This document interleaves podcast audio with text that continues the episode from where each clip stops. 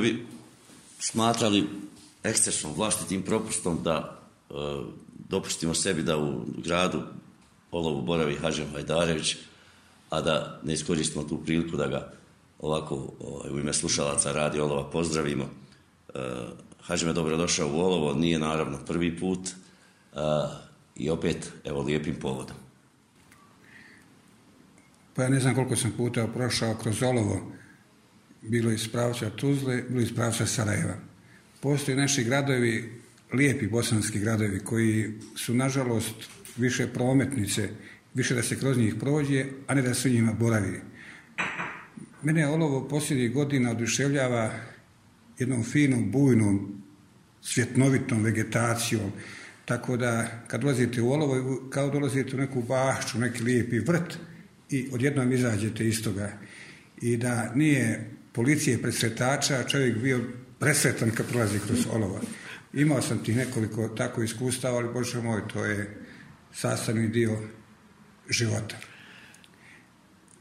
Uvijek mi je žao ovih malih mjesta, uvjetno kazano malih mjesta, koja su upravo zanemarena iz razloga što se kroz njih samo prolazi. Naravno, svako je mjesto zaslužno koliko se u njegu boravi u mjeri koliko samo nudi, pruži određene informacije o sebi. Olovo ima razloga da bude ponosno na Framatiju Divkovića. Ima razloga da bude ponosno neke naše savremene autore poput naše pjesnikinje Fride Duraković i mnogih drugih autora. U svakom slučaju, jako je bitno da evo, preko biblioteke, preko Centra za kulturu, preko određenih formi kulturnog organiziranja, nađe se načina da se u olovu prepoznaju određeni talenti. Ja sam prvenstveno zainteresiran za pitanje umjetnosti, kiževnosti. Neko će biti zainteresiran za sport, višću, futbal i tako dalje. I da se nekako ostvari neka prisnija veza sa recimo institucijama koje su u Sarajevu, to je 50 koliko kilometara, sa društvom pisaca Bosne i Hercegovine, sa teatarskim kućama, sa umetničkom galerijom, sa svim tim nekim određenim e, institucijama koje bi pomogle i ovim nekim uvjetno kazno malim mjestima da neki budući pjesnik, budući umjetnik u bilo čemu čime da se bavi, nađe neku svoju šansu i priliku da se dokaže. Kod nas imate jednu nevjerovatnu pošast kad je u pitanju Bosna i Hercegovina, to je teror amaterske svijesti, teror amaterizacije u svim sferama društvenog života. I u književnosti, i u umjetnosti, i u... Ne znam ja sam šta bi se moglo nabrojati, pogotovo u politici, u političkom životu, gdje smo ljudi svedeni samo na pripadnike određenih stranaka i kako smo uvjetovani ovim nesretnim naciokratskim formatiranostima, onda Zaboravljam na neke osnovne stvari koje su vezane direktno za život. U svakom slučaju, evo ja sam danas u olovu, lijepo mi olovu, malo je nekako osvježenije, nije naliko sparno koliko je bilo posljednjih dana i volio bih da ovdje Centar za kulturu, biblioteka, jednom mjesečno ili jednom u dva mjeseca ima neki konkretni književni program imate i mnogo mojih kolega koji će doći bez ikakvih financijskih obaveza vaših ili olovljana prema njima. Naprosto ponekad se mora biti tvrdoglavo i uporno u toj svojoj nekoj kulturnoj misiji jer ono što bitno ljude određuje i što određuje našu generaciju to je na neki način odnosima kulturi i kulturnim pitanjima biznisom, naukom, prosvjetom, hvala Bogu ima ko da se bavi, ali je vrlo bitno raditi na tome da se da ljudi vjeruju da je olovo jednako dobro kao što je jedna i Tuzla i Zenica i Sarajevo i bilo koji evropski grad i da svako mjesto ima svoju neku posebnost, specifičnost, svoju neku izvornu dobrinu koju valja nekako prepoznati i pretvoriti je u jedan kvalitetan sadržaj.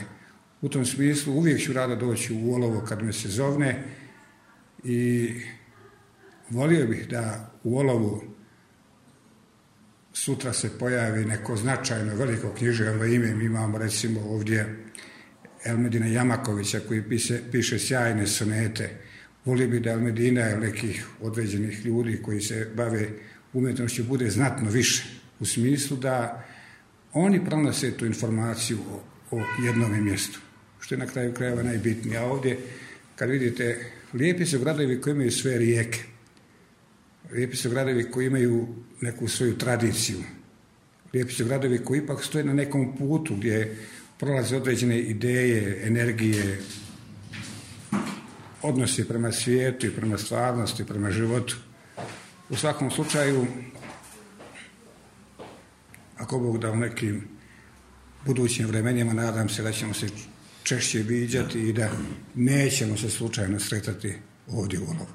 E, umjetnost, konkretno još preciznije, književnost, i taj, ti, književni izričaj, da tako kažemo, već su, e, kada je Olovo u pitanju i vaš odnos prema Olovu na određen način rezultirali, evo i prijateljstvom sa Elmedinom, e, nekoliko njegovih ovaj, književnih dijela koje su ugledala svjetlo dana, a evo, konkretan razlog vašeg, jedan od konkretnih razloga vašeg boravka danas su, evo, neki novi dogovori oko neka nova imena Olovska, što ide u prilog onome što ste vi već kazali, da vam je drago da i Olovo postaje sredina koja će imati, dakle, e, ili, izroditi e, autore važnih književnika. Meni je Ermedin Jamaković jedno fino insansko otkriće, što bismo rekli. Evo upoznao sam ovdje i Mirsa Laderića koji također dugi niz godina piše pjesme, nije se usudio to knjigu objavi pa se nadam da će u skorije vrijeme to učiniti. Zalove me vežu jedne lijepe, čedne, a i živopisne priče moga komšije Asima Pejkovića koji je dugi niz godina ovdje bio profesor filozofije, profesor marksizma, onda Zalovo se veže naravno i mnogo toga drugoga kada je u pitanju biznis i ova trikotažna i ne znam ja sam koja industrija. U svakom slučaju treba uvijek u svakom mjestu, u svakom gradu, u svakoj trsi pod kapom nebeskom prepoznati ono što je najfinije, najbolje, najčustvenije za određeno mjesto. I to na neki način forsirati. Mi ono što forsiramo recimo u našoj toj kolektivnoj psihologiji, to je nagon za frustracijom. Frustrirani smo što nismo u većem gradu, frustrirani smo što živimo tu gdje živimo, frustrirani smo što nemamo više novca. Ne umimo da budemo zadovoljni onim što imamo, a da u isto vrijeme osvajamo prostore, da nam bude gdje god se nalazimo mnogo ljepše nego što mislimo da nam jeste.